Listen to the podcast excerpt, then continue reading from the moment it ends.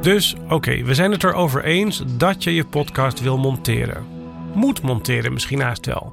Daarover had ik het in aflevering 37. En als we het daarover eens zijn, dan is de volgende vraag natuurlijk: waarmee dan? Welke software is er en welke moet je kiezen?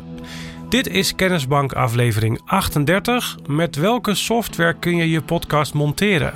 Ik ben Hajo Magree.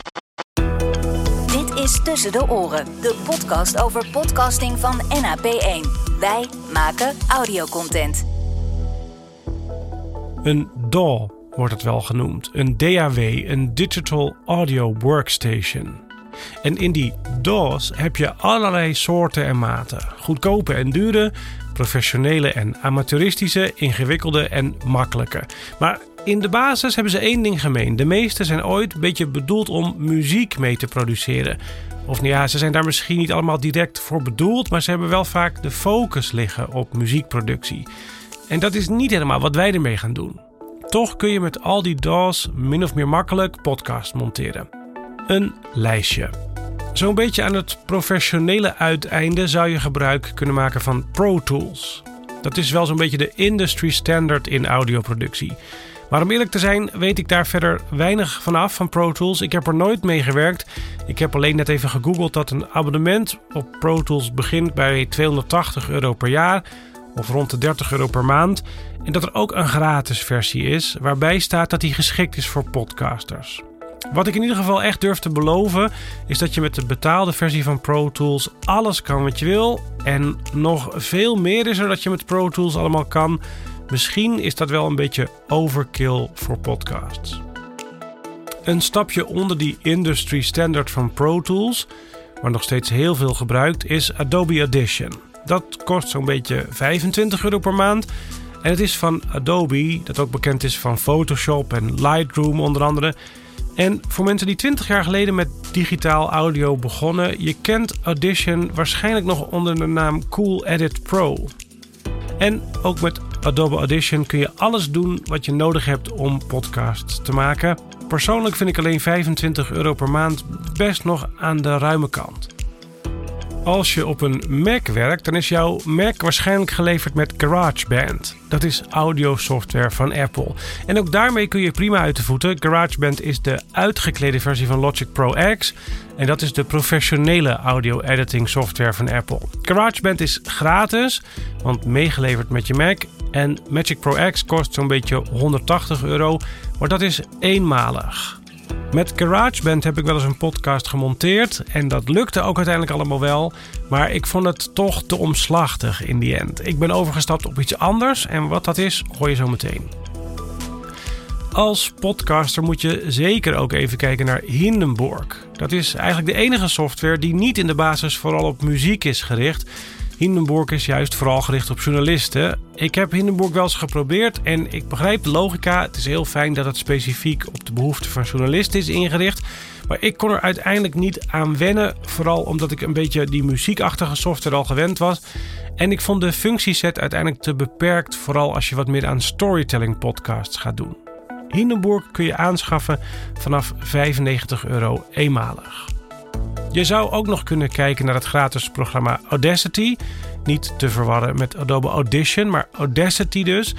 Dat is een open source audio editor, gratis dus. En als je een Google zoekopdracht doet naar podcast montage software, dan krijg je veel mensen die dit programma aan je suggereren. Maar ik vind het persoonlijk echt een afrader.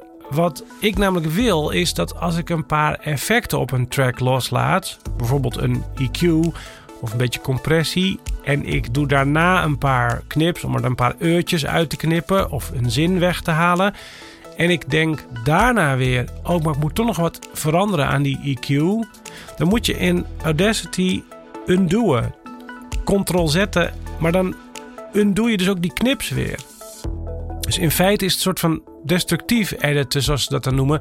Je kunt niet een EQ doen, dan iets anders en dan zonder dat je dat andere verwijderd toch weer wat aan die EQ veranderen. Nou ja, ik hoop dat ik het zo duidelijk uitleg. Dit is in ieder geval wat ik begreep van hoe Audacity werkte. Ik werd er heel gefrustreerd van, dus ik heb het zo snel mogelijk weer gedeinstalleerd. Mocht je nou dit horen en denken, uh, maar zo werkt Audacity helemaal niet, leg het me dan uit alsjeblieft. en stuur me een mail op hajo.nap1.nl. Tot slot, als je googelt op podcast montage software, dan kom je bijna nooit de naam Reaper tegen. En toch wil ik je die graag aanraden en uiteraard niet in de laatste plaats omdat dat is wat ik zelf gebruik. Ik kwam bij Reaper terecht omdat ik een podcast montageprogramma zocht waar ik niet snel uit zou groeien. Waarvan ik kon zien aankomen dat er allerlei functies in zitten die ik misschien nog niet begreep, maar waarvan ik dacht, oh die kan ik misschien wel eens nodig hebben. En ik word zelf niet zo heel bang van zoveel knopjes en zoveel functies in de minuutjes. Ik ben uitstekend in staat om gewoon te negeren wat ik niet snap.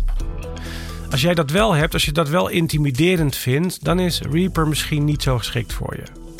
En Reaper kan dus eigenlijk alles wat Pro Tools of Adobe Audition of Logic Pro X kan, maar dan heel aantrekkelijk geprijsd. Ten eerste kun je voor eeuwig, het is misschien niet zo netjes, maar je kunt voor eeuwig op Still Evaluating klikken.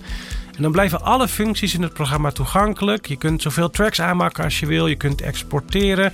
En iedere keer dat je het start, moet je alleen even op Still Evaluating klikken. Ik probeer dit nog even uit. Maar ik heb toen met mezelf afgesproken dat ik dat knopje niet meer zou indrukken als ik de eerste betaalde podcastopdracht zou binnenhalen. En dat heb ik ook gedaan. Ik heb toen de software gekocht en dat is dan 60 dollar, eenmalig. 55 euro ongeveer. En voor een commerciële licentie betaal je zo'n beetje 200 euro. Ik vond en vind dat heel betaalbaar voor een pakket waar je echt alles mee kan. Het is heel stabiel, het crasht nagenoeg nooit. En je kunt er, daar kom ik later pas achter, ook nog vrij eenvoudig een videoversie van je podcast mee renderen.